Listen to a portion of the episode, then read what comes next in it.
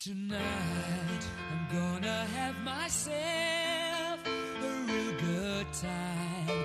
I feel alive.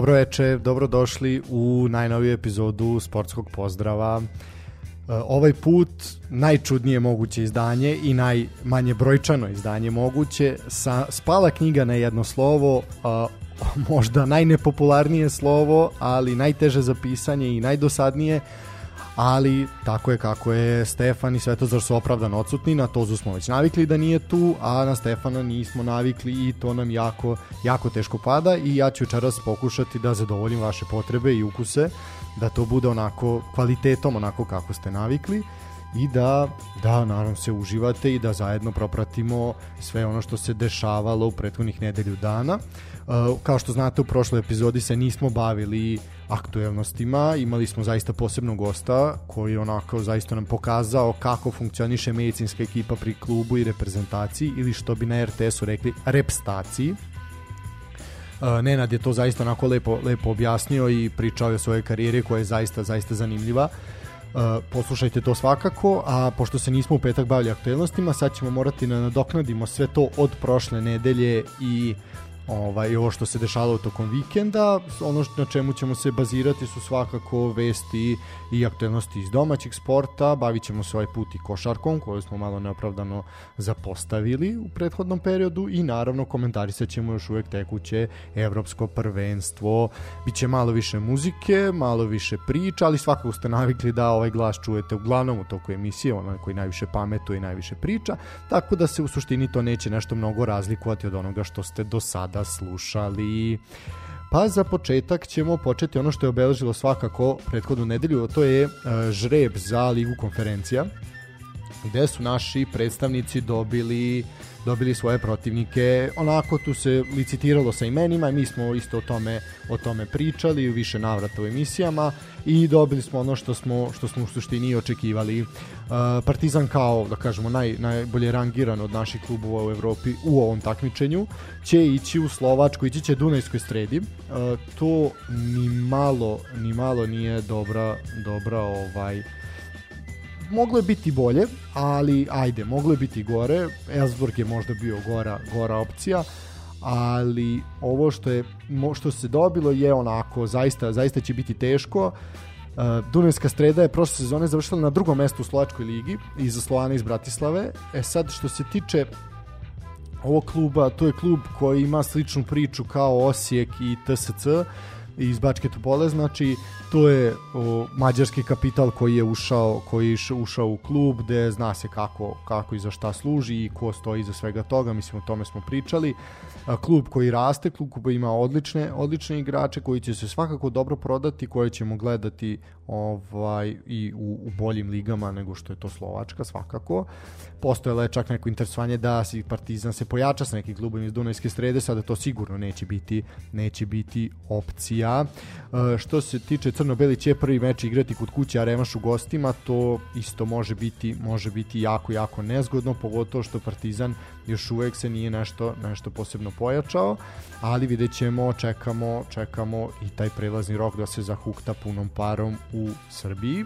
E sad što se tiče sledećeg predstavnika, tu je svakako Vojvodina. Uh, Vojvodina će ići put Litvanije, za protivnika dobila Panavezis, uh, prvi duel će se igrati u gostima, dok je revanš u Novom Sadu. Uh, Vojvodina je otputovala pre neki dan na pripreme u Sloveniju, gde će odigrati niz, niz duela.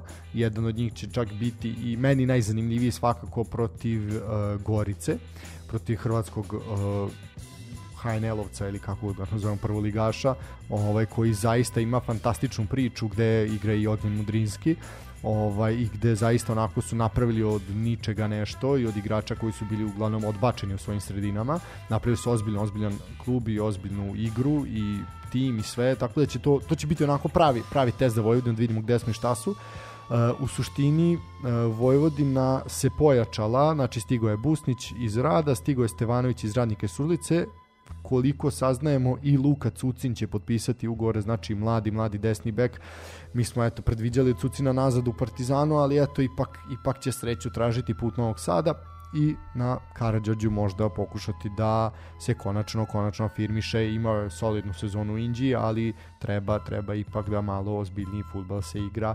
Tako da vidjet ćemo šta, šta će čekati Vojvodinu. Mislim da Vojvodina može da prođe ovo prvo kolo za Partizan zaista ne mogu da garantujem tu može biti, može biti zaista svega. E sad, što se tiče sledećeg protivnika, to je Čukarički. Čukarički će prvi meč odigrati u Beogradu protiv Sumgajita iz Azerbejdžana, a potom će igrati na strani. Čukarički se takođe pojačava i mislim da će Čukarički ovo lagano preskočiti. Svi naši klubovi će, znači, kreću u drugo kola kvalifikacija i svoje prve evropske utakmice igreće 29. a revanše 29. jula. Znači, to je, to je uskoro, mislim, to je za, za nekih mesec dana se igra, sezona znamo počinje 13. znači to će biti onako, imaće po jedan ili dva meča do, do tih utakmica, tako da evo, postignuti pogodak. Pratit ćemo svakako i uh, trenutne utakmice koje se igraju na Evropskom prvenstvu, to je rasplet u grupi C, igraju Ukrajina i Austrija, gde je na kraju prvog polovremena bilo 1-0 za Austriju, koja je zaista bila bila dominantnija i tokom prvog polovremena, a u drugoj utakmici sastoji se Makedonija i Holandija u Amsterdamu. gde je Makedonija bila bila dostojan protivnik u prvom poluvremenu iako vode Holanđani sa 1:0 ali Makedonija imala i stativu i jedan poništio gol gde je VAR umešao svoje prste a zaista pitanje je da li je bio da li je bio offset bilo je tu nekih baš i nepropisnih startova i nad Goranom Pandejim, tako da u suštini Makedonija odlično, odlično igrala, Holandija je svakako kvalitetni rival i očekivalo se da da ovo slomi. Tu je negde 49 i 50 minut je na obe utakmice. Pratit ćemo i to svakako i ovaj komentarisat ćemo promene. Znači, kao što rekli, Austrija vodi sa 1-0, a Holandija sa 2-0. Postigli su upravo pogodak. Vratimo se našem futbalu. Znači, to je što se tiče evropskih kvalifikacija i lige konferencija. Ono što je svakako bila saga koja je trajala i koja je trajala iz nedelje u nedelju kao Netflixova serija se razlačila do beskraja a to je da li će Novi Pazar ostati u ligi ili neće ostati u ligi ipak rada. Onda kad je počelo osipanje ekipe rada gde je trener otišao, gde su počeli da prodaju igrači direktnim konkurentima, bilo je jasno da, da od toga nema ništa i da se čeka čeka samo zvanična potvrda i evo istigla je danas, znači pre oko ovaj, tačnije juče u toku dana, danas je danas je zvanično i potvrđen pre nekoliko sati, znači kraj sage, Novi Pazar je dobio licencu i ostaje u Superligi, a rad se i definitivno seli u drugu ligu, znači dileme više nema. Uh, očekuje se znači da organi FSS na redovnoj sednici izvršnog odbora potvrde odluku komisije za žalbe u postupku licenciranja, znači i da potvrdimo da Novi Pazar dobija superligašku licencu. To je u suštini to što se tiče toga, znači sad imamo i kompletnu sliku i prve lige Srbije i druge lige Srbije. Pronađite na internetu mapu prve lige Srbije, jako je zanimljivo da su klubovi koncentrisani uglavnom ovaj, oko Vojvodine i Beograda, da imate tek tri kluba, tek tri kluba južno, južno od Beograda, što je onako malo, malo čudno. Ali dobro, navikli smo na čudne stvari u našem futbalu čestitamo Novom pazaru, želimo im da nastave da se bore i eto da pokušaju da prežive i ove sezone u Superligi. Uh, donešena je i odluka znači da će Superliga postepeno smanjivati broj broj ekipa, znači da bi se došlo na nekih 12, što ja isto mislim da je idealno i o tome smo isto pričali bezbroj puta, znači zaista za neki kvalitetniju ligu, za ligu, kvaliteta i zanimljivosti, opet kažem, gledajte u komšiluk ajde da se uporedimo sa HNL-om koji ima 10 ekipa. Znači to je zaista, zaista sasvim dovoljno. Na količinu ljudi koji mi imamo imaćete zanimljivije duele, šansu za većim brojem publike na stadionima. Znači po svemu, po svemu je bolje dinamičnija liga, možda će se onda stati u kraj i nameštanjima i jednostavno kada bude svaki bod zavisio, onda neće tako lako moći da se pušta i da se svašta radi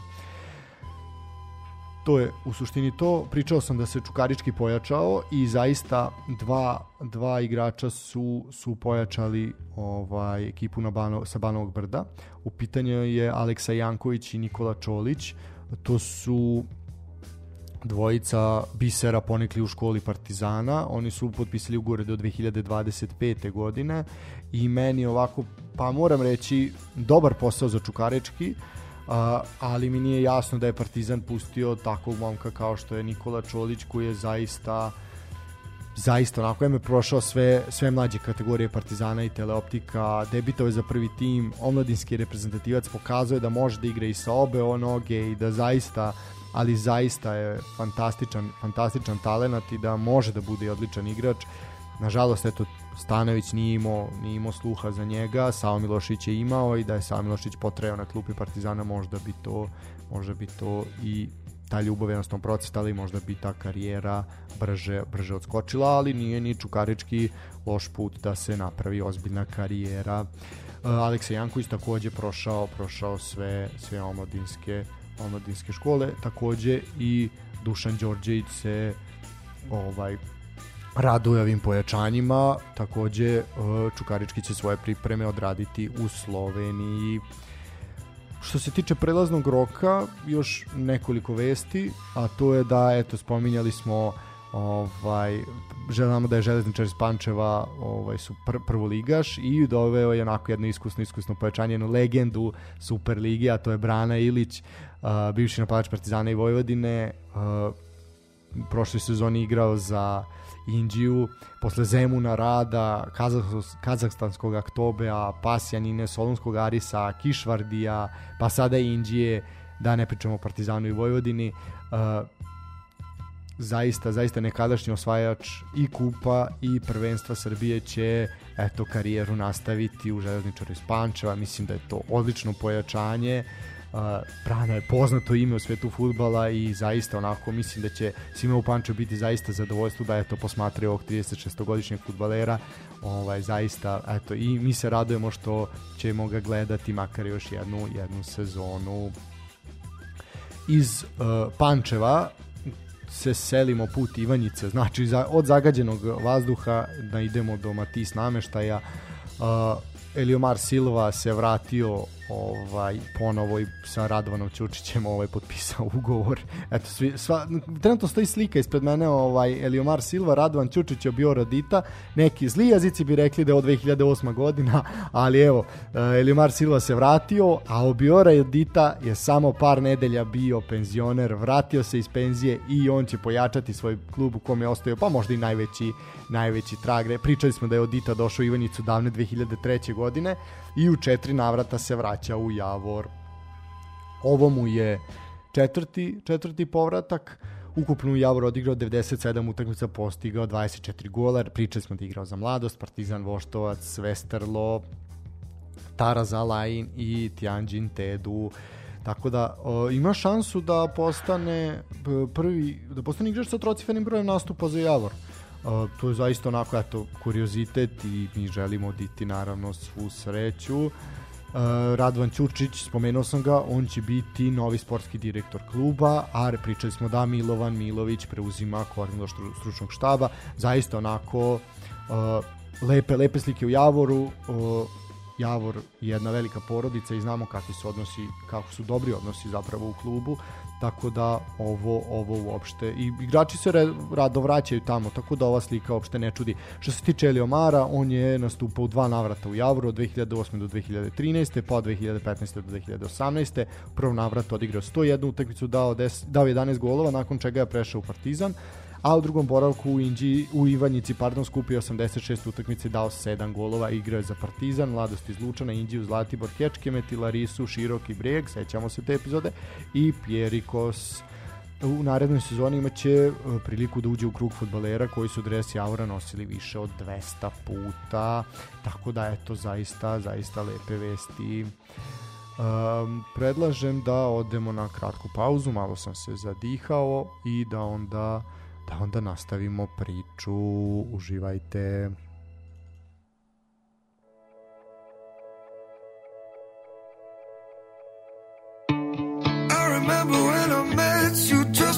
September. You were dancing in the street, rocking that pink and leather.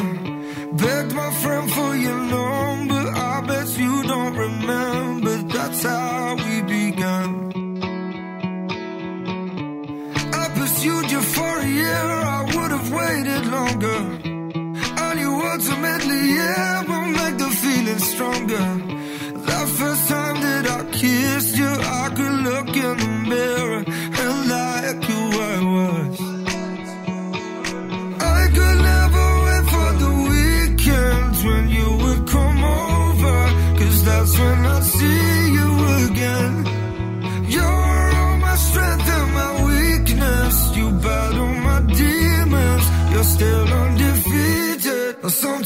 get a little bit jaded.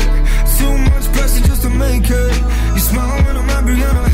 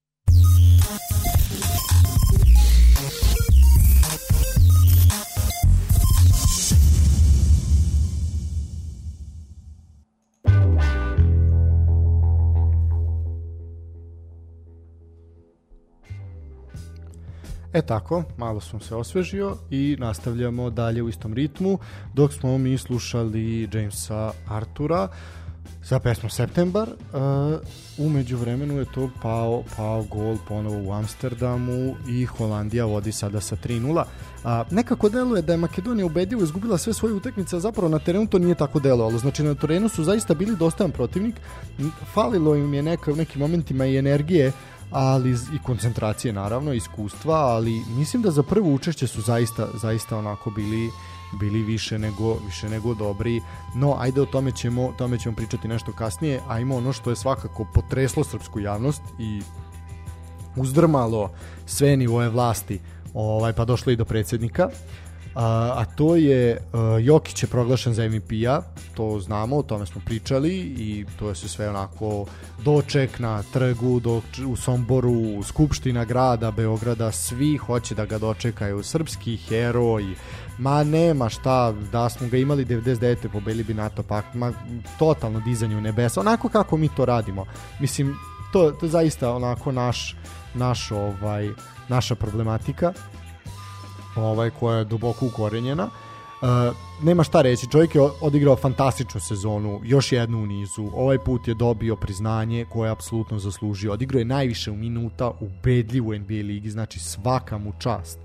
Uh, to je jasno naravno svakome ko je pratio NBA, čak i nama koji ga nismo pratili je jasno, čovjek igra sa takvom lucidnošću, toliko je opušten, to prosto, prosto vidi se da je onako kao veliki, veliki majstor iz sporta, znači vidi se da je tu zaista, zaista onako svaka, svaka mu čast skida se kapa i pravi primer ovaj nekim novim klincima koji će pikati loptu između blokova zgrada ili na školskim terenima. I to se sve, ta, ta lepota i ta ljubav je trajala desetak dana recimo i onda se pojavila vest da Jokić neće igrati na, za reprezentaciju toko olimpijskih igara i o kvalifikacionog turnira koji sledi i tu je zario nož u srca uh, navijača reprezentacije i običnog građanina, penzionera i glasača Srpske napredne stranke.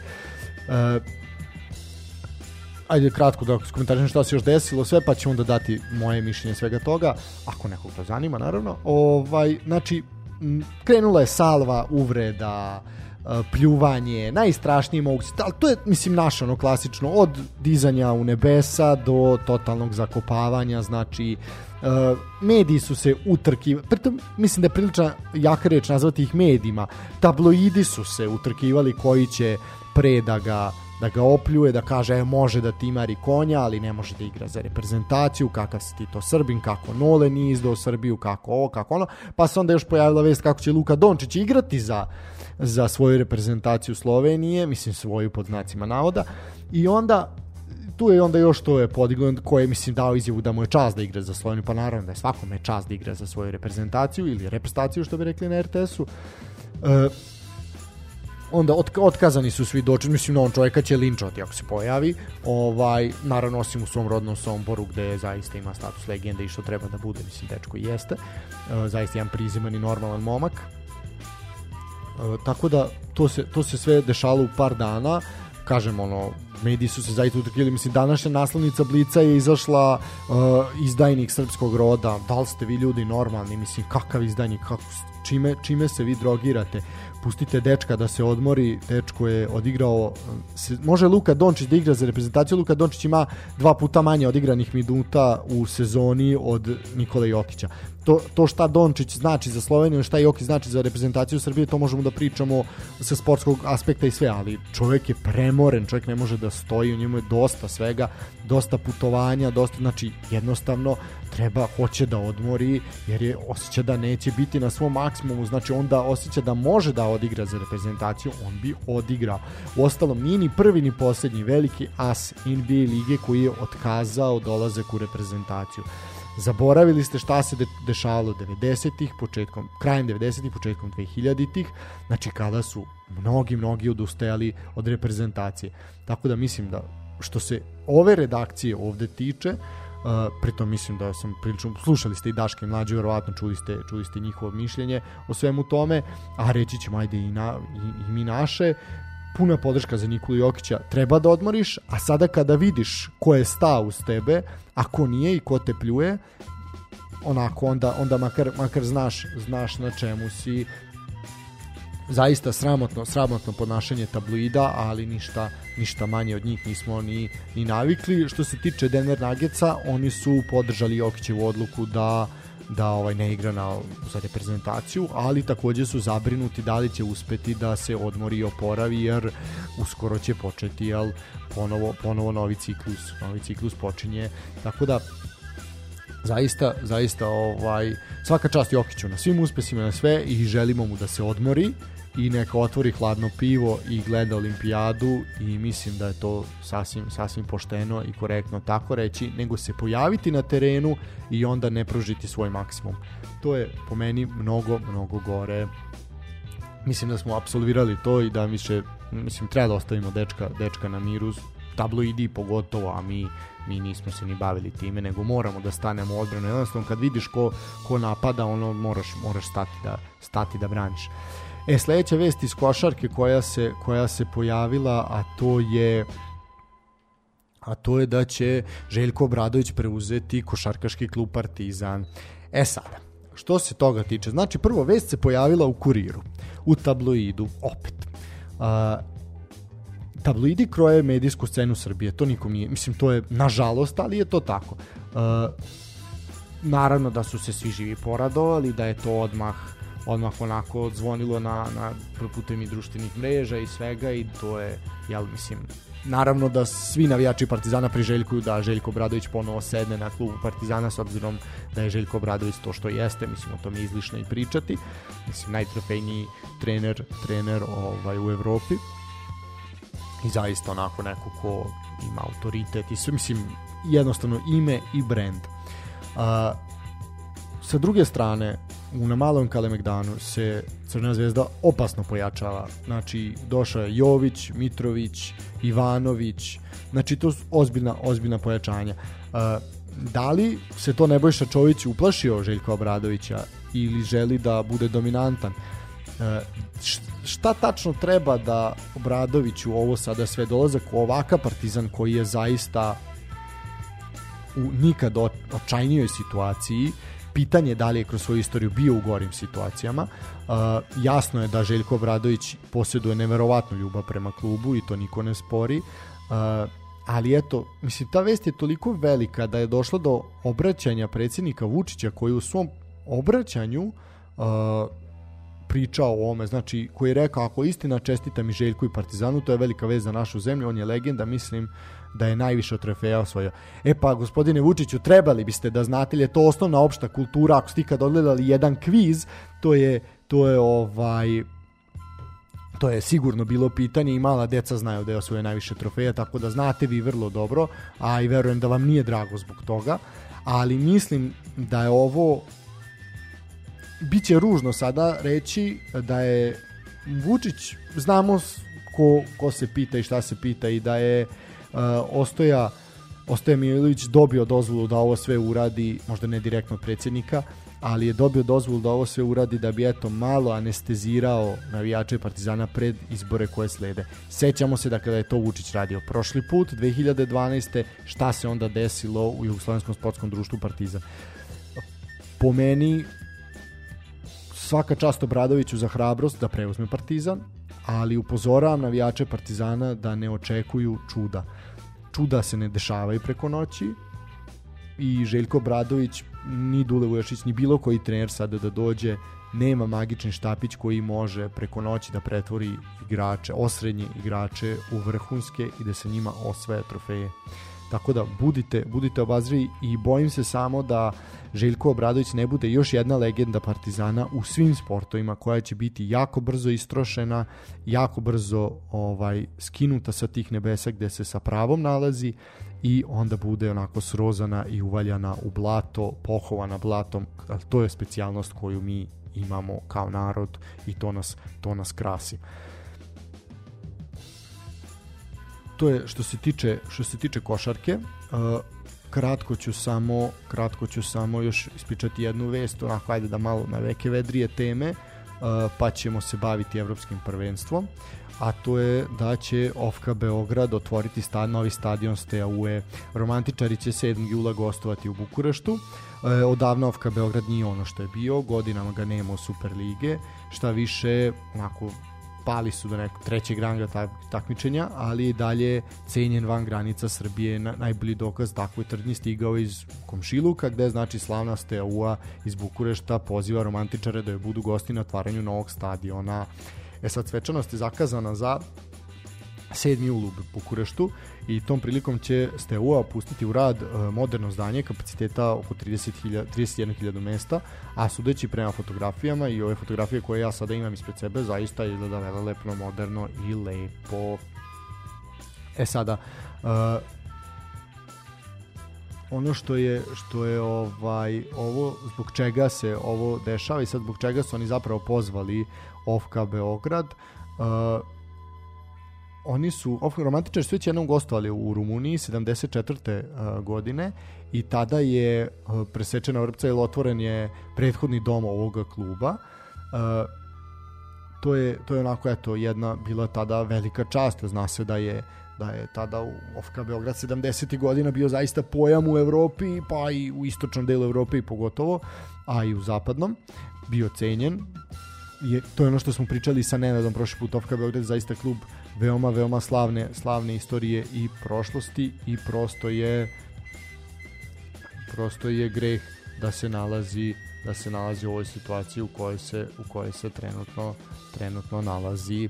Tako da to je eto lep lep onako povod. E sad čisto da ne bude zabune, Steaua koja će gostovati Ofka Beograd nema veze sa FCSB-om koji je uh, kojom gazduje taj kontroverzni Gigi Bekali, taj biznismen koji pravno nema mogućnost da koristi ime i grb kluba koji je proneo slavu rumunskog futbola 86. bio prvak Evrope. E sad, UEFA primjera, znači ona vodi FCSB kao naslednik Steaue koja je 26 puta bi osvojila prvenstvo države, 24 bila 24 puta dizala kup, znači tu je bio neki višegodišnji sudski spor, e sad prava Steaua je krenula da krene, odlučila da krene od nule, od četvrtog ranga takmičenjima sa svim onim obeležima kojima i pristaju. Svi znamo da FCSB koristi neki izmenjen ovaj grb koji podsjeća likom na originalnu Steu, ali to nije. Znači, e sada je Steaua napredovala do drugog drugog ranga takmičenja u Rumuniji i ja pretpostavljam da će se uskoro uskoro vratiti u Super ligu, tačnije prvu ligu Rumunije. A, to bi bilo to, malo ćemo opet odmoriti. a slušamo ovaj put nešto zanimljivo, možda čak budu i dve pesme, ajde vidjet ćemo, pa se slušamo dalje za vezi, pričamo o evropskom prvenstvu, desio se jedan jako, jako romantičan i onako emotivan moment trenutno na utakmici između Makedonije i Holandije, ali do tada uživajte u muzici. Yeah,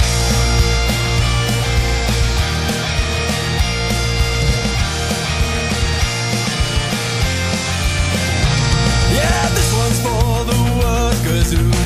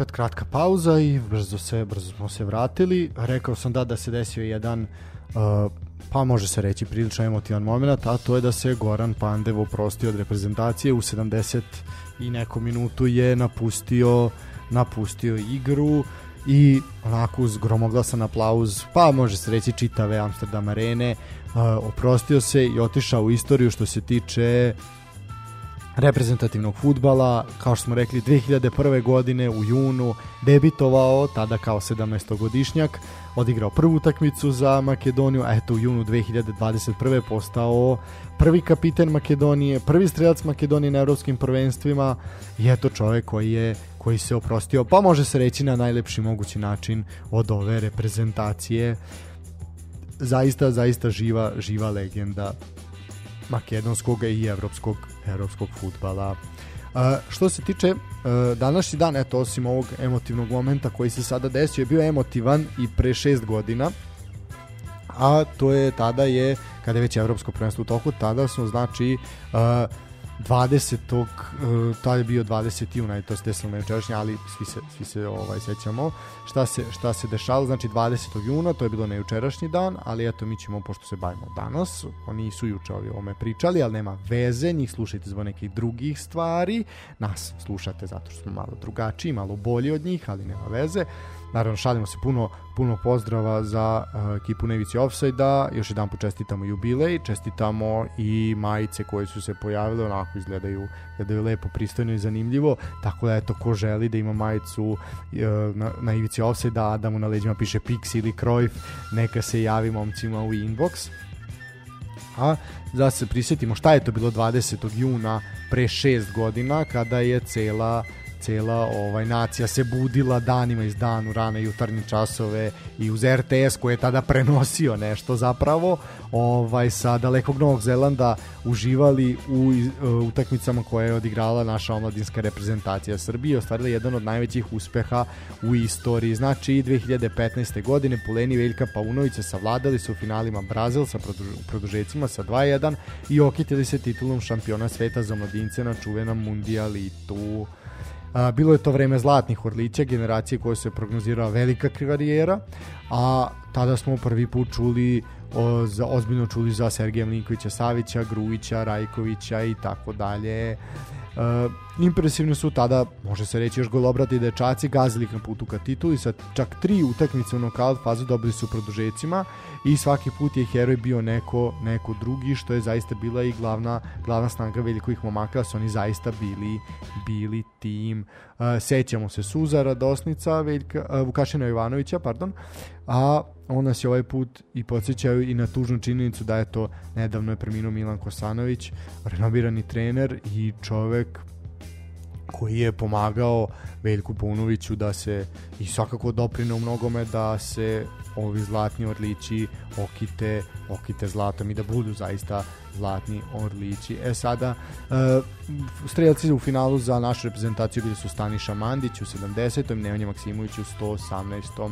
118 minuta. Sad određeni broj igrača iz te generacije napravio dobre karijere, mada ima oni koji su onako preko noći nestali sa futbalske mape i izgubili se, a evo na godišnicu njihovog uspeha mi ćemo malo da se prisetimo i vas da podsjetimo uh, ko je to sve činio tu ekipu i gde se oni sada nalaze, koliko od njih je uspelo, jer to se upravo sutradan je bila ta priča, ali vidjet ćete mnogo, mnogo njih neće uopšte uspeti. E, da vidimo ko je gde sada, gde su i šta rade, kucamo na vrata zaboravljenih asova. Evo ovako, jedan od heroja finala Staniša Mandić, a, o, je umeđu vremenu promenio, promenio reprezentativni dres i sada nastupa za Crnu Goru. Što se tiče kluba, trenutno je u slovenačkoj Muri gde je osvojio titulu šampiona ove sezone sa ovom slovenačkom ekipom. Uh, jedan od najvećih talenata ove generacije, Filip Janković, godinama je takođe u Sloveniji, gde mu je vrednost spala na svega 10.000 10.000 evra. Svakako da je igrač koji mu napravi najozbiljniju karijeru i koji vredi najviše ubedljivo od cele ove generacije Sergej Milinković Savić, čija je vrednost na transfer marketu 70 miliona eura.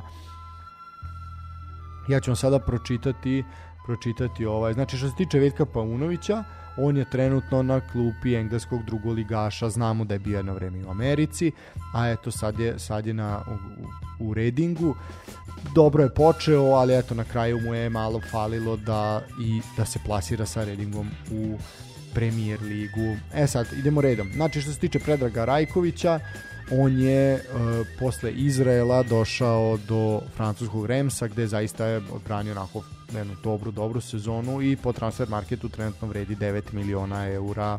Vanja Milinković Savić je u Torinu, gde vredi neke oko 800.000 eura, Filip Manojlović u, u Desanse vredi oko 100.000 eura, Milan Gajić pojačanje Crvene zvezde koji zaista imao fantastičnu sezonu, njegova vrednost na transfer marketu je 3,5 miliona eura, po meni Milan Gajić možda i najozbiljniji desni bek u našoj ligi. Nemanja Antonov bio je u Partizanu, sećamo ga se, Partizan je pokušao da mu onako rehabilituje karijeru, trenutno se nalazi u Ujpeštu u Mađarskoj, vredi 450.000 eura. Miloš Veljković u Verderu iz Bremena, dobru sezonu je imao, vrednost se procenjuje neka 4,5 miliona, ali ona će svakako, svakako rasti kada Veljković promeni, promeni sredinu.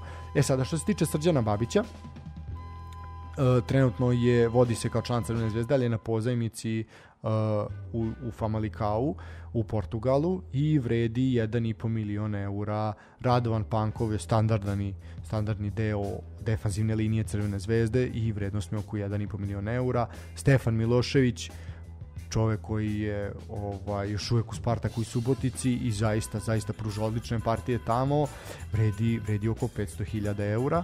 Vukašin Jovanović je bez kluba, vredi milion i po eura, eto, to je šansa, ali sigurno će naći u toku ovog leta, u, to, u toku ovog leta klub. Uh, Mijat Gaćinović je u Hoffenheimu, svi znamo da ima da ima ovaj da ima odlične, odlične izdanje u Bundesligi, vrednost mu se procenjuje na 3,5 miliona eura. Sergej Milinković Savić, rekli smo trenutno u Laciju, i spekuliše se ili citira gde će nastaviti karijeru.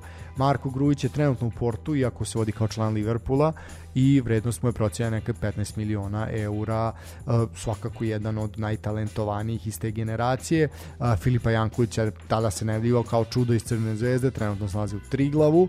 Andrija Živković je potpuno rehabilitovao karijeru ovaj, nakon onih nekih neuspelih pokušaja, one cele afere oko Partizana i svega, trenutno se u Paoku, tamo je ljubimac navijača i vrednost mu je neki 5 miliona eura, zaista je ove sezone odigrao fantastično, imao je nekoliko jako, jako bitnih, bitnih golova i ključnih, ključnih partija za dobru sezonu Paoka. Uh, Ivan Šapunić, trenutno član Atletico Madrida na pozemici u Kadizu, vrednost mu se procenjuje na 1,2 miliona eura. Staniša Mandić, rekli smo u Muri, vrednost svega 100.000 eura i Stefan Ilić je član Ofka Bačke i vrednost mu se procenjuje nekih 50.000 eura.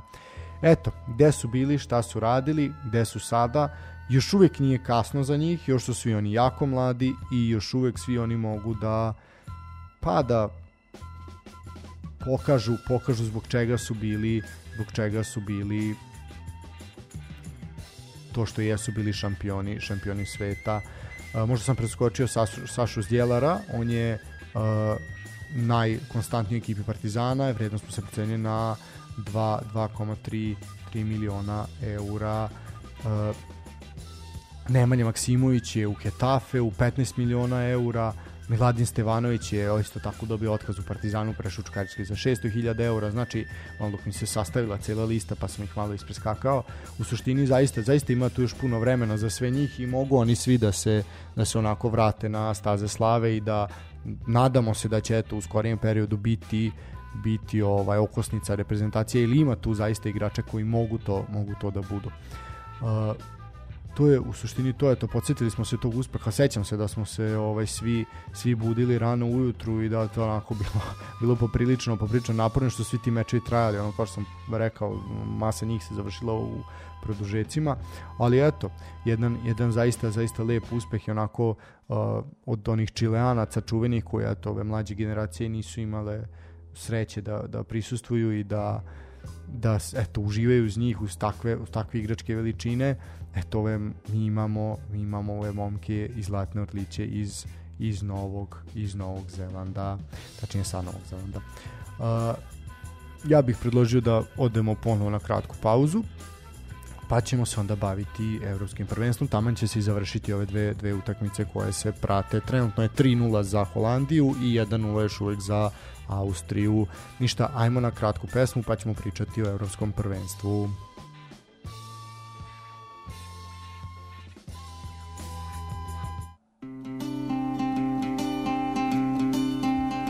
Ispod kože znaš Sakrivamo luje Po mojim krajevima Znaju lupat bure. Iz mene neće van Usta se zatvore Ne bi znala ništa da oči ne govore. Dok te gledaju Dok te imaju Samo se tebi mole i sve ti prodaju. Samo da ti si tu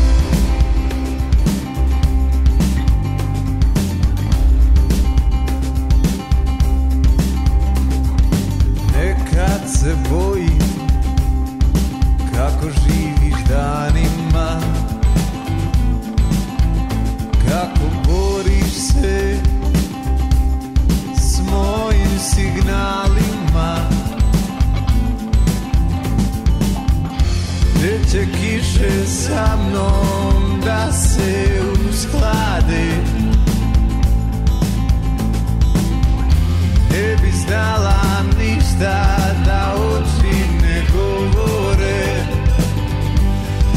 Dok te gledaju Dok te imaju Samo se tebi mole I sve ti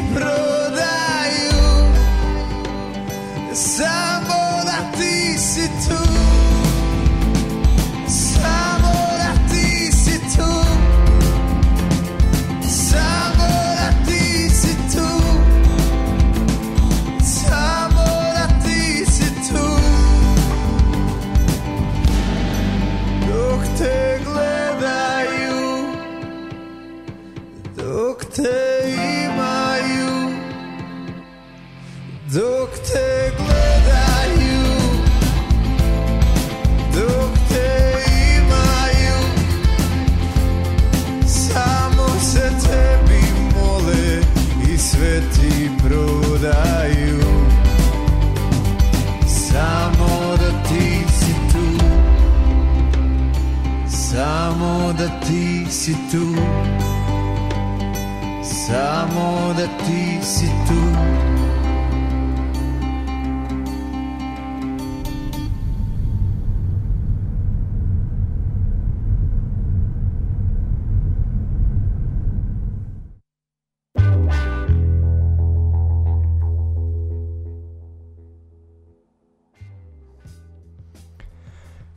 dobro, ajmo sada malo na ono što je najaktuelnije, o čemu svi pričaju, o čemu, od čega žene lude ovih dana, a to je od broja utakmica koji se odigravaju, zaista, sad smo mislim, došli do blizu 30 utakmica koji su se to odigrale za 10 dana, zaista onako, mislim, prvi slobodni dani su negde u četvrtak i petak, jel da neće biti utakmice, tako da ono, posvetite se porodicama, suprugama, deci, ovaj, da ne zaborave kako izgledate, ko je pratio svaki minut, a ja moram priznati da jesam zaista svaki minut odgledao, e sad koliko je to za pohvalu ili je strah, to je to je sad već ovaj onako diskutabilno.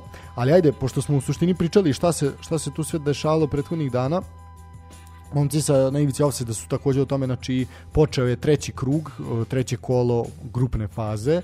Kratko ću samo pretrčati, znači od petka ovaj dok dok mi nismo jel ono čime čime smo se čime smo se bavili. Uh, ukratko, znači ovako u subotu su odigrani neverovatno zanim dve neverovatno zanimljive utakmice između Mađarske i Francuske pred skoro 60.000 ljudi ovaj evo gotove su i ove dve utakmice pričat ćemo sad i o njima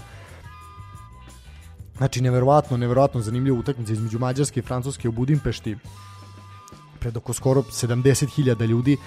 Prvo, paklena vrućina u Budimpešti, ali fantastična atmosfera. To je ono što je trebalo. Ti navijači su trebali trebali futbalu i konačno konačno raduje što eto ponovo ćemo imati tu priliku da gledamo da gledamo te momke na travnatom terenu jer oni su drugačije to i sam komentator uh, Nove S je rekao mnoge sada igrači su navikli u prethodnih godinu godinu i po dana znači da uh, velike utakmice igraju pred praznim tribinama manje više u atmosferi koja se nalaze na treningu.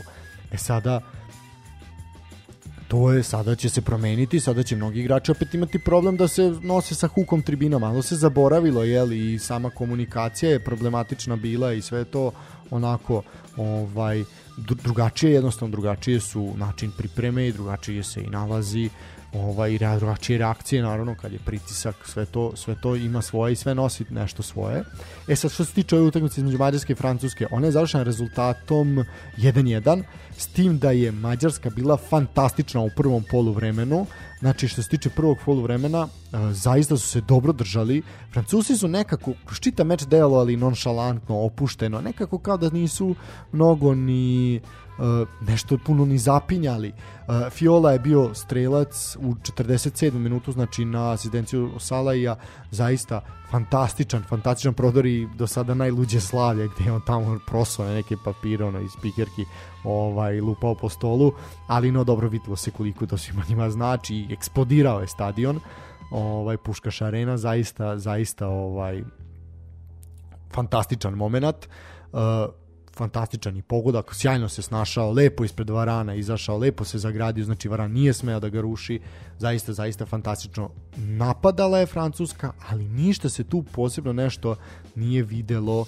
neki, neki moment da su sad oni bili toliko dominantni.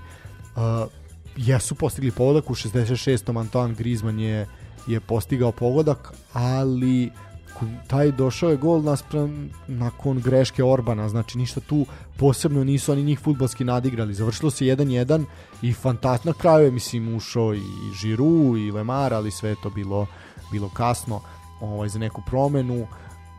Po meni zaista zaista fantastična Mađarska koja takođe igra fantastičan turnir. Čak taj, taj prvi meč protiv Portugala koji su rezultatom ubedljivo izgubili, to nije zaista bilo tako ubedljivo slična priča kao sa Makedonijom, ali definitivno progres se vidi u mađarskoj reprezentaciji i svakog, svakog velikog takmičenja su sve kvalitetniji i sve bolji, što zaista, zaista raduje i onako pokazuje da se pametnim ulaganjem, pametnim sistemom, ustanovljenim u sistemom kojim se znači poštoje pravila koji ne odstupa zarad interesa pojedinca, može, može da se nešto napravi ulaganjem infrastrukturu i tako dalje, pa i u, lokal, u regionalne klubove, mislim i to ima regionalne centre, jel? Ovaj, tako da i to, i to ima zaista smisla. To je bila prva utakmica od 15 časova. Od 18 časova, spektakl. Uh, aktuelni evropski šampion dočekuje Nemačku, znači 4-2 je bilo za Nemačku najbolja utakmica turnira po meni iznad one koja je odigrala Holandija sa Ukrajinom i definitivno svih ostalih. Znači, ovo je broj 1. Ronaldo je bio strelac u 15. minutu, zaista fantastičan, lepa akcija kontra Jota je asistirao za, ili Jota, kako to ćete, je asistirao za Ronalda i onda dva autogola, prvo u 35. Dias, a onda Guerrero u 39. Imao je uh, Gosens, uh, on imao, njemu je poništen, poništen pogodak, fantastične akrobatske ovaj, vole je uhvatio, ali eto bio je bio je u offside-u tako da je taj VAR je poništio taj pogodak, 2-1 je otišlo se na polovremenu za Nemačku. Uh, Renato Sanchez je u 46. minutu, ali Kai Havertz je onako potvrdio odličnu igru Nemačke koja nije ovako delovala u prvom kolu i zaista ovakva Nemačka može daleko, onakva Nemačka je spora kao iz prvog kola ne može ne može daleko doći. E sada, da li je to bio samo moment, malo jeste pro, promešao karti Akim Lev, sad vidjet ćemo da li je do, do toga i kako će uopšte izaći u ovom meču, meču treće kola. Uh, Gosens je konačno bio strelac i po meni igrač utakmice, ubedljivo u 60. minutu povećao na 4-2, imao jednu fantastičnu stativu, Renato Sanchez je pogodio, znači da je izvalio gol iz, iz ležišta, da bi na kraju Diego Jota ili Diego Jota, opet kažem kako kome draže, ovaj smanjio rezultat na 4-2, uzvratio mu asistenciju Cristiano, Cristiano Ronaldo, fantastična, fantastična utakmica, mislim, reći ću samo da smo videli preko 20 udaraca, udaraca što je zaista, ka golu što je zaista, zaista fantastično. Igrao se brzo, dinamično, tempo tokom cele utakmice je bio, bio zaista, zaista fantastičan. E, posljednja utakmica tog dana bila je najdosadnija utakmica tog dana po očajnom terenu u Sevilji za koju ja ne znam kako će Španci da se opravdaju. Znači, svuda, svuda na svim terenima koje smo sad imali prilike da gledamo teren je bio fantastičan. Ovaj u Sevilji izgleda kao da je stadion treće ligaša. Znači, pritom mislim našeg treće ligaša. Znači, zaista, zaista to ne liči na, ne, na teren na kom se igra evropsko prvenstvo. Ali ajde. E, Morata je konačno postigao povoljak na asistenciju Morena. E, reći ću da je napadački trio činio Moreno, Morata i Dani, Dani Olmo, ono nešto što smo svi priželjkivali. Lewandowski je konačno postigao pogodak. E, ali jednostavno tokom cele utakmice je bio jako odsečen od svojih saigrača, nije, mnogo, nije mogao mnogo da uradi. Ovo što je uradio je onako odgurnuo je svog direktnog čuvara, nadskočio ga i onako u svom stilu, u stilu naj pa najboljeg napadača sigurno ovaj trenutno postigao postigao pogodak. Moreno je promašio penal uh, Morata je promašio odbijenu loptu što je mislim još kritičnije od svega toga. Tako da se ostalo je ostalo je 1-1 do, do kraja i eto i u ovoj grupi grupi je zanimljiva zanimljiva situacija. E sad što se tiče uh, grupa, ajde o njima ćemo pričati na kraju. Uh, u nedelju smo imali dve utakmice koje su se, eto, znači igrale, to je sad početak trećeg, trećeg kruga, igraju se utakmice istovremeno, znači imaćemo izmenično dve utakmice u 18 časova, a onda ćemo imati utakmice i u 18 časova i u 21 sat, znači danas je od 18 časova smo imali dve, ali imamo i od 21, ja ću se truditi da završim do 21 čas da možete da ispratite te utakmice onako kako dolikuje. Juče smo imali na programu Italiju i Vels, Italija zaista odigrala fantastičnu utakmicu jako su lep da mi neko rekao da će navijati za Italijane ne bih, ne, ne bih se nikad složio ali zaista fantastično igraju kao što pevaju himnu tako igraju dopadljivo fantastično, energično lepo za oko. Znači zaista, zaista igraju. Vratio se Verati u postavu koji se eto ispostavilo kao ključan opet u veznom redu. Uh, 1-0 su dobili Velšane, s tim da su Velšani i dobili crveni karton. Uh, Pesina je bio strelac na asistenciju Veratija, rekao sam da Verati je bio ključni, a Empadu je dobio crveni karton. Po meni možda i prejaka odluka da se da da se da crveni karton Empadu, ali dobro, to je sad to je sad na sudi. Što se tiče sudi Hategan, on je i na prošloj utakmici koje je sudio i Krihovjaku pokazao crveni karton, tako da je to je sudija koji je koji je na dve utakmice zaredno pokazao crveni karton, je sad ko igra, ko igra ove specijale po kladionicama, zna šta mu je činiti kad vidi da je Hategan sudija na sledećem meču. Uh, na kraju utakmice u 89. minutu, mislim, tu, tu je bilo jasno, sa golom više i sa igračem više ne možete pobediti Italijane na svom terenu, pogotovo na olimpijskom stadionu u Rimu. Šta se desilo? U 89. minutu jedna fantastična, fantastična slika, a to je da je i selektor Carlo Ancelotti izveo Donarumu, a uveo je Salvatorea Sirigua. E sad, zašto se to desilo? Uh, onako svi smo bili pa začuđeni u krajnjem, krajnjem liniji čemu to, ali onda to Roberto Mancini kasnije kasnije ovaj izjavio šta se šta se desilo. Inače, znači Roberto Mancini je već sada davne 1990. godine kao igrač bio deo reprezentacije Italije koja je osvojila treće mesto na svetskom prvenstvu održan upravo u njihovoj zemlji, ali nije odigrao ni jedan meč. Tada tadašnji selektor Azelio Vicini E, nije mu pružio šansu da uđe u igru, a Mancini danas tvrdi da je to jedan od najmračnijih trenutaka u njegovoj igračkoj karijeri. Žao mi je što barem jednom nisam nastupio na velikom takmičenju kako je svetsko prvenstvo, igrao sam na Euru, ali ništa ne može da se meri sa mundijalom. Da mogu da vratim vreme, potrudio bi se bar da zaigram nekoliko minuta. E, na ovaj način je eto i Roberto Roberto Mancini uh, ukazao čas Salvatoru Sirigu da je to i on odigra, odigra koji, koji minut i mislim da je zaista za jedan standing ovation što bi rekao što bi rekao Toza, tako da imamo i to lep, lep potez i ovako se, dragi moji treneri, podiže, podiže moral, moral u ekipi, znači ovakvim, ovakvim potezima gde pokazujete da su svi igrači podjednako vredni i da svi mogu da zabeleže minute ako se pogotovo potrude, a Sirigu je svakako, svakako to zaslužio. Sledeća utakmica koja se igrala, igralo se u Baku, a, pred većinskim turskim auditorumom, jel, pred ovaj, navijačima Turske. Švajcarska je slavila sa 3-1, fantastični golovi su uđeni, sva tri gola, a, sva, pardon, četiri gola su tačnije prva tri su postignuta van kaznenog prostora, Šaćir je dao jako lep go, ali je asistencija bila van kaznenog prostora, on je utrčao u kazneni. Znači, prvo Haris Seferović, toliko malo prostora mu je bitno, uh, mu je bilo potrebno da postigne, postigne pogodak, zato je jako bitno čuvati ga, to svi moraju znati koji budu igrali sa protiv njega u narednim mečevima. Uh, fantastičan, Zuber je bio, bio asistent, Uh, Šačiri 26 minut isto fantastičan udarac iz daljine, ponovo je Zuber bio asistent, zaista, zaista fantastična dva udarca, 2-0 se otišlo na polu vreme. Uh, Kahveci je bio strelac utešnog gola za Tursku, eto Turska je makar postigla jedan gol, iako je završila uh, turnir sa tri poraza. gol razlikom 1-8, ali svakako eto, makar, makar su imali čemu ti navijači da se toliko, tolikom broju koji, koliko ih je bilo, zaista velikom, ovaj obraduju ih da se raduju, zaista jeste onako nastao delirium kada je Kahveci zatrezao na fantastičan način mrežu.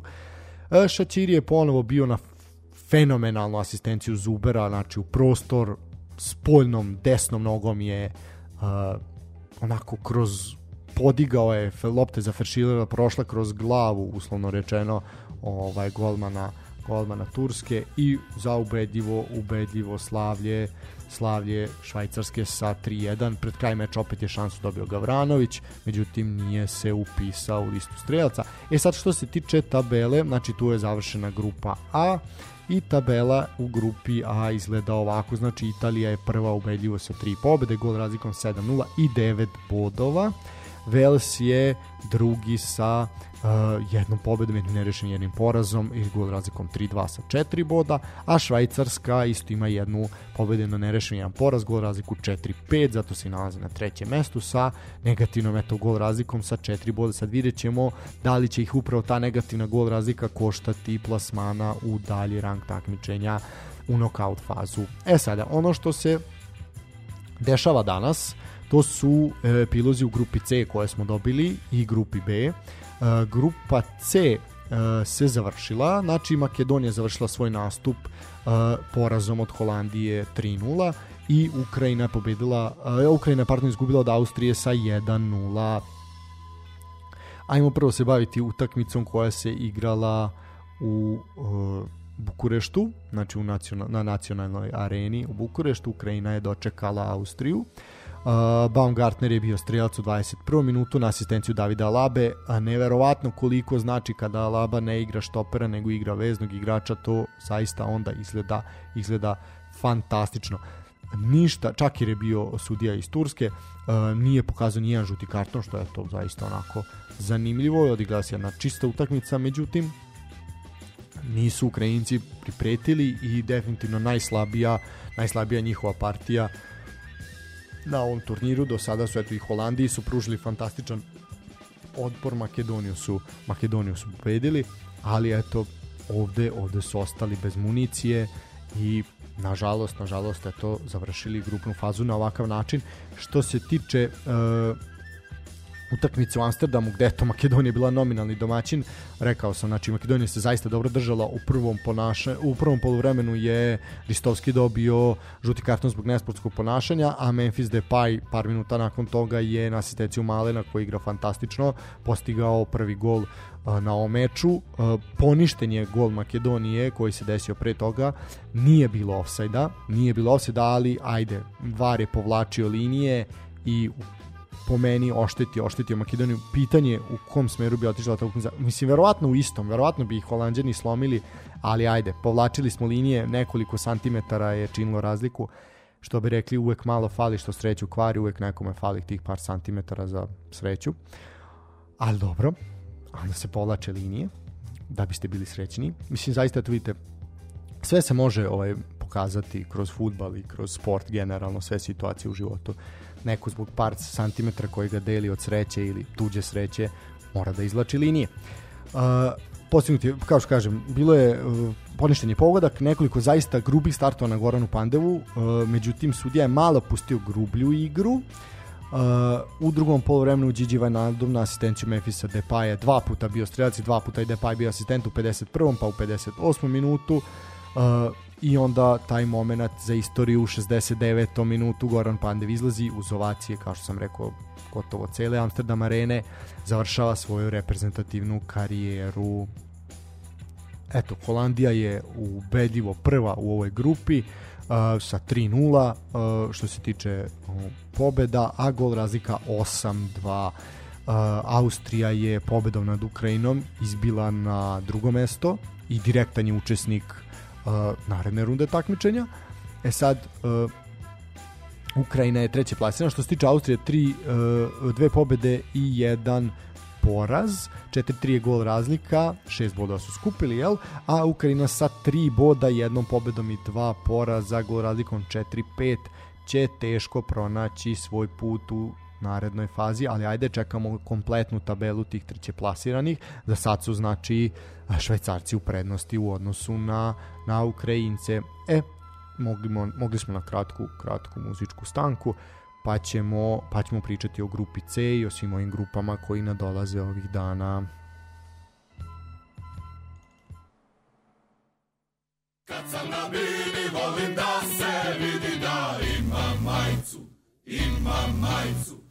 Kad sam na bini volim da se vidi da imam majicu, imam majicu.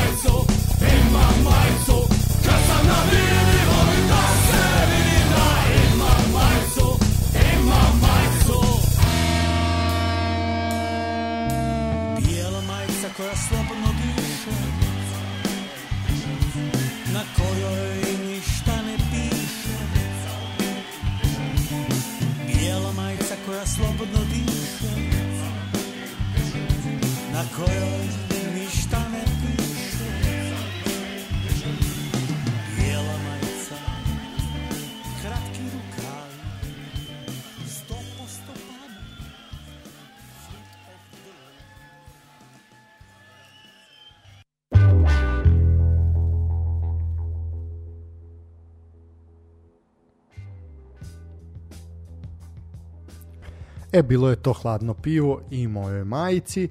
Uh, sasvim prikladna, prikladna pesma koju sam odabrao, jel, eto, naših drage kolege iz Nivici Offside su predstavile svoje majice. Eto, ako želite da imate Johana Krojfa ili Dragana Stojkovića, Dragana Stojkovića Pixija na leđima, javite se njima inbox. Onako, zanimljive su majice i nadamo se da ćemo to možda i mi dobiti nešto ako budemo, ako budemo gosti. Platit ćemo ako baš moramo, ako ne, ovaj, možda nas i nagrade, evo toliko i promovišemo da bi zaista bio red da nešto i dobijemo, a oni znaju šta oni dobiju od nas kako, ovaj, kad mi budemo gostovali, zna se da mi ovaj, kao što i samo ime ime benda koji je pevao pesmu kaže, nosimo svuda sa sobom hladno pivo.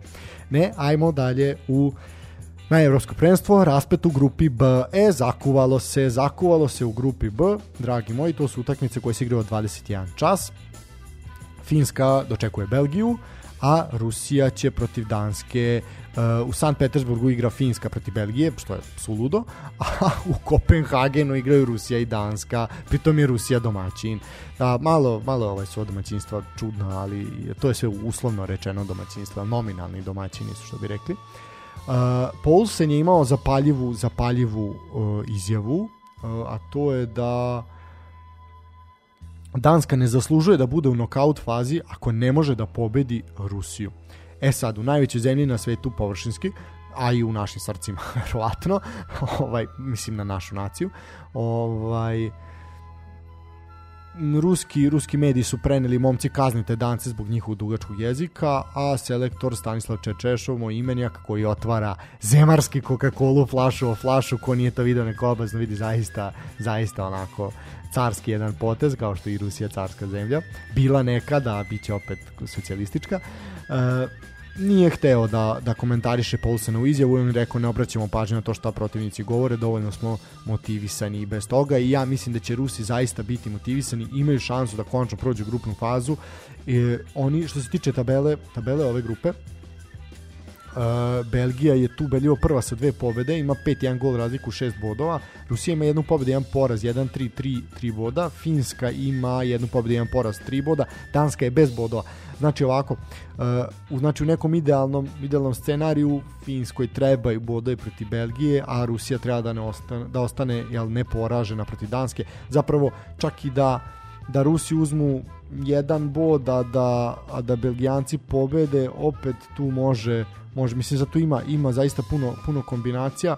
E sad, kome je bolje? Jedni drugi su slabi sa golovima i tu je pitanje ko bi prošao dalje kao najbolji treće plasir. Znači, u suštine, svima treba pa treba možda, sad je pitanje koliko će Belgijanci kalkulisati i na koga će oni tu hteti, hteti da idu iz grupe D, to je isto onako pitanje, tako da sve u svemu ja očekujem odlične, odlične utakmice, bit će motivisani svi, sve četiri ekipe, tako da po meni, uživajte večeras u 21 čas, prenosi su na Nova S i na Sport klubu 2, znači idu u isto vreme, jako lepo to radi i Nova S i Sport klub, tako da zaista, zaista možete, možete da uživate. E sad što se što se tiče e, narednog dana, sutra opet imamo samo dve utakmice od 21 čas, to je grupa D. E, to je jedna grupa koja je onako poprilično čudna i nešto što a zaista niko nije očekivao, a to je da Češka bude trenutno prva u grupi sa boljom gol razlikom s Englezina, dva meča samo jedan gol. Uh, Hrvati sa jednim bodom, s negativnom gol razlikom, Škoti bez dato gola, be, sa jednim bodom, jel? Tu svi mogu dalje i niko ne mora dalje, jer osim Češke, realno ovi ostali ništa nisu pokazali. Engleska je odigrala jako, jako slab, slab duel protiv Škotske, Hrvati, ja ne znam šta se tamo dešava, nešto, nešto neštima, nešto je trulo, trulo u šahovskoj reprezentaciji, zašto, zašto oni to rade, nama je jako krivo, mi navijamo ovde svi za njih i na ko što smo navijali za Makedonce, to su, to su ipak naši i mislim da, da je po meni trenutno je najveći krivac je selektor Dalica svojim kombinacijama gde Telesport je izbacio tekst, znači gde je napravlja analiza koliko je ko odigrao van svoje pozicije, gde ispada su igrači više igrali van svojih pozicija nego na svojim pozicijama. Mislim, pogledajte, protiv uh, Perišić je u prošloj utakmici, znači kad se vratio na svoje pozicije, čovjek je odmah postigao pogodak. Mislim, zaista uh, ne, ne znam, ne znam šta bih ovaj šta bih rekao po meni u tom u tom jel nerešenom rezultatu protiv Češke, ovaj 1:1. Zaista sada mora da izvede ono što svi traže od njega i što zapravo kako se očekivalo da će Hrvatska igrati. Ovo sada nije nije postao uopšte, mislim sa tim Rebićem na špicu, Kramarićem po krilu, to nema nikakvog smisla. Daj Brunu Petkovića, čoveče, daj Oršića, daj nešto da to Rebića i Oršića u pari. Znači, po meni ima dobre Hrvatska odlični igrače, može, znači ne može, ne mogu Lovren i Vida igrati zajedno. Stavi Lovrena, stavi Duju Ćaleta Cara, mislim to ispada kao da su tri igrača, ali nisu, da to ima nekog smisla. Zaista ne znam čemu Guardiol na beku, imaš beka, stavi beka, mislim Guardiol nije klasičan levi bek. Ne, ne znam, po meni, po meni jako, jako čudno i ne, jako, jako su na naivici da, da, da ispadnu treba im pobeda protiv Škotske. Škotska neće pustiti nikoga, Škoti su borbeni, do kraja će ići protiv Hrvatske, vide da mogu, namirisali su krv, uh, Tirni ekipa će zaista, Megin, znači fantastični su Che Adams koji imao dobru utakmicu protiv Engleske. Znači mogu mogu nešto da nešto da urade i biće biće sutra su zaista eto isto zanimljivi zanimljivi dueli, a taj duel Češka Engleska nekako najviše podsjeća na te neke ranije ranije njihove duele i onako dve futbalske vele sile kroz istoriju Što se tiče uh, srede, tu opet imamo četiri utakmice, imamo Slovačku, Španiju, Švedsku, Poljsku, Nemačku, Mađarsku i Portugal, Francusku i onda, kao što sam rekao, u četvrtak i petak ćemo se posvetiti porodicama i voljenim osobama, a malo ćemo zanemariti tranati teren, ovaj, odmorili smo oči, kažu da zelena boja, nije kažu, nego to je naučno dokazano da zelena boja odmara oči, e malo ćemo opet se zamarati nekim drugim stvarima, a onda ćemo opet od vikenda ovaj pratiti dešavanja u na evropskom prvenstvu. E, što se tiče ovih utakmica u sredu, to je grupa e, e i F. Tu imamo, znači rekao sam Slovačka, Španija. Španija sada sa dva nerešena, ima samo dva boda, Slovačka ima tri boda, ona je drugoplasirana, Švedska je prva sa četiri boda, ima samo jedan postignut pogledak na, dva, na dve utakmice, znači jedna, jedna jako, po, po meni možda i najdosadnija grupa ubedljivo, znači jako i vidim da veliki broj ovaj ljudi na Twitteru i svuda priželjkuje da da Španija onako završi učešće, ovaj jer zaista ne liče ni na šta, jako igri dosadan fudbal i ono ajde pust, ono prestanite više. Uh, Slovačka će se svakako boriti, treba da ostane neporažena da bi prošla direktno. Švedska i Poljska bit će zanimljiv duel, Poljacima trebaju bodovi, sa pobedom Poljaci mogu mogu mnogo i sa ta četiri boda su negde matematički dovoljna da se čak i kao treće plasirani p, uh, da kažem plasirate, plasirate dalje. Videćemo, videćemo kako će to izgledati. Slovaci će sigurno biti borbeni, ići će u meso onako kako su odigrali i ove prve dve utakmice i mislim da mislim da ćemo imati imati dobre utakmice i u sredu mislim isto vrlo lako ista priča kao i za Hrvatsku vrlo lako Španija može ostati bez bez ovaj daljeg, daljeg takmičenja što bi zaista bio šok niko iz te grupe mislim da niko nije predviđao da će eto Švedska, Slovačka i Poljska proći dalje, a da Španija Španija neće biti ni u igri ni kao najbolje treće plasirani. Ali ostaje naravno da se igra i naravno će verovatno neće se to desiti što ja predviđam, ali postoje, to, je, to su neke moje želje, a sad da li će se to zaista desiti, to ćemo, to ćemo videti u narednom periodu u sredu, jel nešto već posle, posle 19 časova ćemo to znati, a od 21 onda imamo zatvaranje grupne faze, sastoji se Nemačka i Mađarska, to je dueli grupe F, Nemačka i Mađarska i Portugal i Francuska, znači imat ćemo eto aktuelnog svetskog protiv aktuelnog evropskog prvaka, i Nemačku i Mađarsku, pa ovako jedan duel koji je ovaj, obeležio istoriju kako u futbalu, tako i van futbala. E sad, što se toga tiče te grupe, Francuzi imaju jednu pobedu, jednu nerešenu četiri boda, Nemci imaju uh, jednu pobedu i poraz 3 boda, gol razlika 4-3, Portugal ima jednu pobedu i poraz 5-4 gol razlika, 3 boda znači takođe, a Mađari jedno nerešeno i jedan poraz sa gol razlika 1-4 i jednim osvojenim bodom. E sad, ovde svi mogu da prođu i svi mogu bukvalno da ispadnu. Uh, postoji čak šansa, eto, ako su Makedonci dobili Nemačku sred Nemačke, zašto ne bi da mogla da dobi Mađarska? Ovde predviđati bilo šta, osim fantastičnog futbala, mislim da onako za kraj, za kraj će ovo biti ono šlag na tortu, eto da ta grupa nekako se tako namestilo, zli jezic će reći da je namešteno, ovaj, da eto ta grupa smrti, ovaj, najzanimljivija grupa ovaj, za, zatvori, zatvori tu, tu treću rundu i zatvori uopšte grupnu fazu. Najzanimljiviji dueli, e, totalna neizvestnost, ajde ovde svuda nešto i možemo da da ono imamo makar one koji su veći favoriti koji ovde bukvalno svi mogu da ispadnu i svi mogu zašli na prvo mesto i na treće mesto tako ajde da budu četvrti tako da zaista zaista će biti biti zanimljivo sve ovo pratiti i eto kažemo u sredu 21 čas odložite sve sve drugo i uživajte uživajte u fudbalu biće biće biće odlično i biće jako zanimljivo. Dobili smo prvi prvi par jel, naredne, naredne runde takmičenja, a to je da će ići uh, na znači u tom play-offu dobili smo znači prvi duel, a to je Italija i Austrija. Uh, oni će 26.6. odigrati odigrati taj susret. Mislim da su tu Italijani apsolutni favoriti, no pričat ćemo o tim četvrtfinalima kad budu ovaj tačnije osmini finala i četvrtfinalima kada budemo znali ovaj kompletne kompletne učesnike za sada znači uh, Vels i Holandija čekaju isto svoje svoje ovaj protivnike. Oni će to saznati saznati nakon što se tabela najboljih treće plasiranih popuni do kraja. A mi ćemo ići opet na kratku, kratku muzičku pauzu, pa ćemo se pa ćemo se vratiti i sa još jednim komentarom, nešto što isto obeležilo prethodni period i polako završavati ovu epizodu.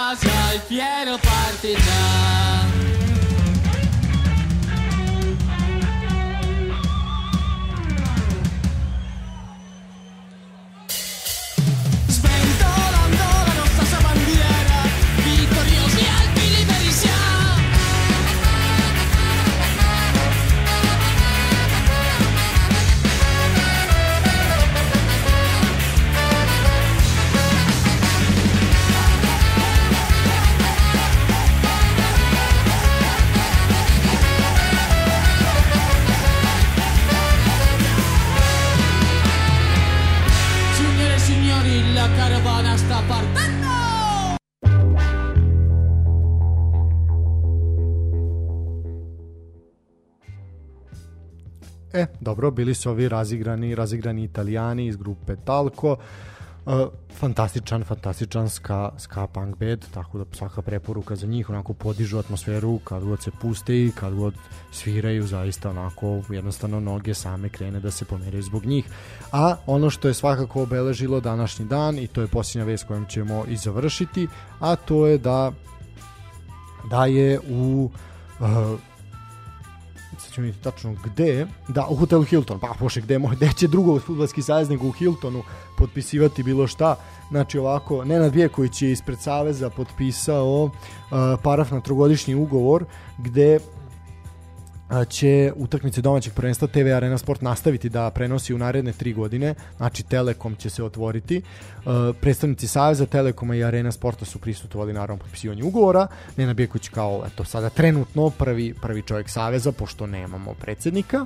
Uh, ono što je što je bitno je napomenuti da prema saznanjima nezvaničnim još uvek da je ugovor koji je potpisan vredan 24 miliona eura ili 8 miliona evra po sezoni, a Arena će plaćati ekskluzivna prava prenosa duplo više nego do sad, jer je ugovor koji je do skora bio na snazi bio vrede oko 3,5 miliona eura, te novi ugovor upravdano nosi prefiks istorijski, što je istakao generalni direktor Telekom Srbije Vladimir Lučić, koji zaista nije krio zadovoljstvo zbog nastavka saradnje, ali mislim da zaista niko nije ni ovaj sumnjao da će se ovako nešto nešto dogoditi ovaj trogodišnji ugovor će svakako predstavljati značajnu finansijsku injekciju u klubovima. Uh, direktor Arena Challenge grupe Nebojša Žugić uveren je da ovi ugovori da će ovi ugovori pomoći srpskom fudbalu da u budućnosti beleži još bolje još bolje rezultate. Kažu da su krenuli u nabavku opreme koja će naprediti prenose utakmica u saradnji sa fudbalskim savezom oko uvođenja VARA, što će takođe dodatno popularizovati i unaprediti domaći sport i domaći fudbal. E sad cela slika sada postaje drugačija i svakako kompletnije i bolja, a potpisivanjem ovog ugovora na neki način je kompletirano to šta ćemo mi gledati na arenim kanalima u sledećim, u sledećim godinama. Znači Serija A, La Liga, Liga 1, utakmice UEFA klubskih takmičenja, uh, svakako regionalne lige koje budemo iskreni mene najviše zanimaju i evo ova domaća fudbalska uh, sa fudbalski savez u Srbiji znači domaća fudbalska liga e sada ovo će svakako svakako biti biti dobar dobar podsticaj za klubove. Oz, sada bo, već ovo, ovo je ozbiljniji ozbiljniji novac od onoga što je bilo što je bilo do sada više nego duplo para ako je ovo istina. E sad uh, sve ovo znači će svakako doprineti popularizaciji. Slika moramo priznati da nije bila loša i arena ne radi to na loš način. Rekli smo pohvalili smo multiprenos više puta. Znači može to dobro da se uradi kada postoji kada postoji želja za tako nešto kao i sve u ovoj državi. Uh, ono što je svakako ako hoćete da imate popularni popularniju ligu smanjite broj klubova da biste povećali kvalitet. Pošto mi ne možemo po povećati kvalitet, jednostavno ne možemo napraviti preko noći nove kvalitetne igrače koji će igrati u 20 klubova, nemamo toliko toliko materijala za to, onda smanjite znači broj klubova uz dužno poštovanje svim velikim klubovima koje da kod nas rade i opstaju u Superligi, zna se, zna se ko je krem de la krem, a ko će onda biti stabilan prvoligaš. To je ono što eto, da li sa tu se iza brega promalja sunce? Ili je to samo još jedna ona neće prevara, ali samo još jedna eto nada koja je ulivena da će možda nešto biti bolje. Kao i one priče koje smo imali sa Nenadom u petak, treba početi da se nešto menja i počnite da menjate danas od sebe, što bi rekao mi Labus od svog dvorišta prvo počistite, nadamo se, nadamo se da će konačno neko nešto shvatio da više ne može ovako i da se, da se mora menjati. Uh, dragi moji, hvala na pažnji, uh, nadam se da nisam bio previše dosadan, eto, možda jedna od kraćih emisija, ali nećete mi zameriti, bio sam sam i usamljen, ovaj, i onako poprilično je, poprilično jako teško ovaj, nepoprilično jako je teško ovo raditi sam i sada znamo zašto Daško i Mlađa ovo nikad ne rade sami, nego uvek traže nekoga. Mnogo je lepše i lakše kada ovaj, imate, imate nekoga sa druge strane sa kim možete da se dopunjujete, svađate ili smejete. Uh, nadam se da ste uživali. Uh, da li sam bio crni bombarder ili sam bio April O'Neil, to ćete vi presuditi. Uh, slušajte nas, pratite nas na Instagramu, na Twitteru, na Facebooku, sportski pozdrav, uh, PayPal, Patreon i uplate na dinarski račun. Ako imate eto, pokazali smo surovi profesionalizam, ako imate neki dinar viška, ovaj, znamo da je visok datum u mesecu, sa treće se plaćati, plaćaju računi, ali eto, malo štrpnite od informatike, pa malo dajte nama. Uh, moralna poruka za kraj, uh, ajde znamo da je sad ovaj gotove su školske godine bila je takva kakva jeste svima čudna. Nadamo se da će sledeća biti normalna i znamo da su đaci svih razreda mnogo mnogo propustili. Najviše mislim da su stradali oni u prvim razredima i oni na kraju na kraju svog srednjoškolskog ili osnovnoškolskog ovaj obrazovanja. Uh, pripremaju se prijemni ispiti, zakuvalo se, bliži se, uh, ja vam želim, znam kako je meni bilo i znam kako je bilo i mojim drugarima, uh, ja vam želim svu sreću, želim vam puno, puno, puno koncentracije, znanja, volje i sreće, da sad stisnite, znam da svi imate još otprilike po par nedelja do kraja, stisnite jako, izaberite, nadam se da ste već izabrali ono što, ono što volite i da, što će vas činiti srećnim, jer samo tako, samo kad radite ono što volite i ono što vas ispunjava i što vas čini srećnim, samo tada, pa čak i u ovoj Srbiji možete, možete uživati u svom, u svom poslu. A, za kraj slušamo, slušamo još jednu pesmu, eto, svim, žel, svim kojima upisuju, svim maturantima, želim sreću pri upisu i pri izboru nove nove sredine gde će nastaviti da se nadograđuju. A vama hvala na pažnji, evo nekih sati po vremena je ovo naše druženje danas trajalo. Šta da vam kažem, uzim, uživajte uz Lost Profits i uživajte u futbalu od 21 čas danas, sutra i narednih dana, a mi se nadam se čujemo uskoro. Sportski pozdrav, prijatno! La, la.